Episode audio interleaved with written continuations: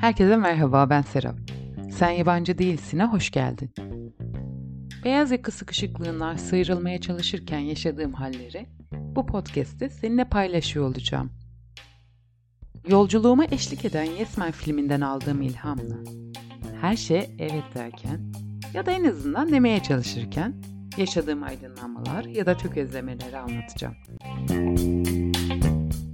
Selam herkese.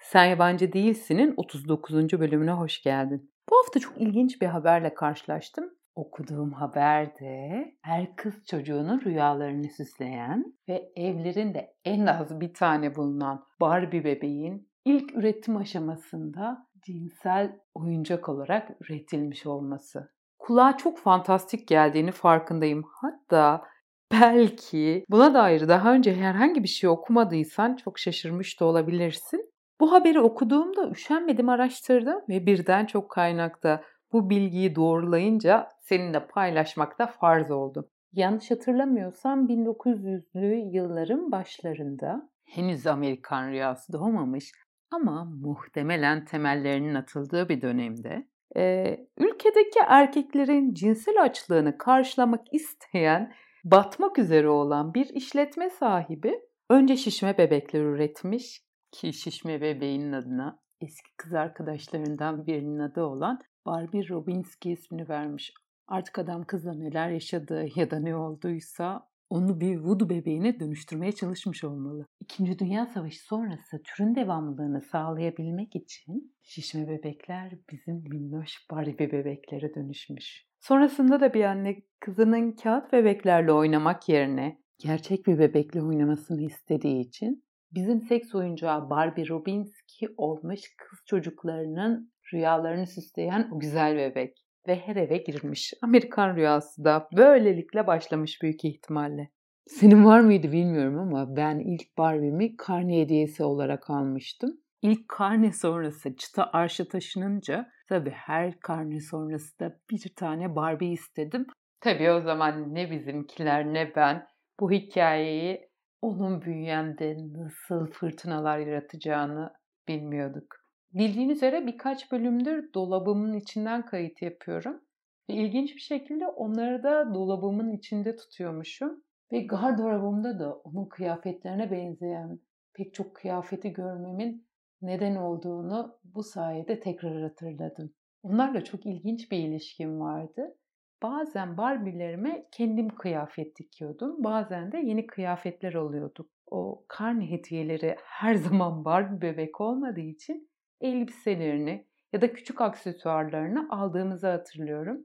Büyüyünce giymek istediğim elbiseleri, takmak istediğim aksesuarları ona alıyordum ya da evde kendim yapıyordum. Yakın çevremde ona benzeyen bir kadın olmamış olmasına rağmen onun gibi bir yetişkin olsam hiç fena olmaz diye düşünmeye başlamıştım. Tabii büyümekten anladığım fiziksel bir değişim değildi. Sadece daha ılımlı ve güzel görünmek, ayrıca büyüklerin yaptığı şeyleri yapabilmekti. Hatırlıyorum göğüslerimin büyümeye başladığı zamanı sanıyorum 10 yaşındaydım. Ne kadar utandığımı sana anlatamam. Göğüslerim çıkmaya başladığı günden sonra arkadaşlarımla hoplayabileceğim, zıplayabileceğim, hatta çoğu zaman koştuğum oyunların tamamını kestim. Aslında bu fiziksel değişimim sayesinde Barbie bebeğime daha yakın bir şekle dönüşecektim. Onun farkındaydım ama buna hiç hazır değildim. O yüzden de onları görmemek için dolabımın en alt kısmına sakladım ve ayılarımla oynamaya başladım. Çünkü onların herhangi bir kadın ya da erkek gibi fiziksel özelliklerini belirten yanları yoktu. Tabii bu arada göğüslerim de kesintisiz büyümeye devam ediyordu. Hadi tamam büyüyor. Yani yerinde sabit dursa yine iyiydi ama benimle birlikte hareket ediyorlardı. Onları görünmez kılmak için uzun dönem o kadar çaba harcadım ki. Hatta bununla ilgili bir bölüm yapmıştım. Eğer denemediysen onu açıklamalara bırakayım. Zaten südüyenleri reddettim. Hoş o yaşta neyi takacaktım onu da bilmiyorum ama Tabii büyümek sadece fiziksel değildi. Yani en azından kadınlarda öyle olmuyor bildiğin üzere. Bir de regl gibi ilginç bir şey girmişti hayatıma ki buna hiç hazır değildim. Öyle bir şeylerden kadınların bahsettiğini hatırlıyorum. Kenar aralarında konuşuyorlardı ama bize bahsettiklerini hiç hatırlamıyorum. Ama yine de onları dinlemiş olmalıyım. Çünkü regl olduğumda korkmadım ya da tedirgin olmadım. Bir yerime bir şey oldu diye endişelenmedim. Yine de ben bunu bir süre sonra atlatabileceğim bir şey olduğunu düşünmüşüm büyük ihtimalle. Ve tabii utanılması gereken ve kimseye söylenilmeyecek bir şey. O yüzden de kimseye söylemedim. Ne arkadaşlarıma, ne anneme, ne yakınlarıma, ne akrabalarıma, hiç kimseye anlatmıyorum. Kardeşime bile anlatmadım. Sanıyorum ikinci ya da üçüncü ayın sonunda annem benim e, kullandığım pedimsi ama ne olduğunu bilmediğim, o an ne yaptığımı bilmediğim şeyleri bulmuş. Yanıma geldi. Kızım büyüyorsun ve bundan sonra böyle şeyler olacak. Bu pedleri kullanabilirsin dedi. Annemin bu konuyu öğrenmesi beni rahatlatsa da kendisinden bir söz vermesini istedim.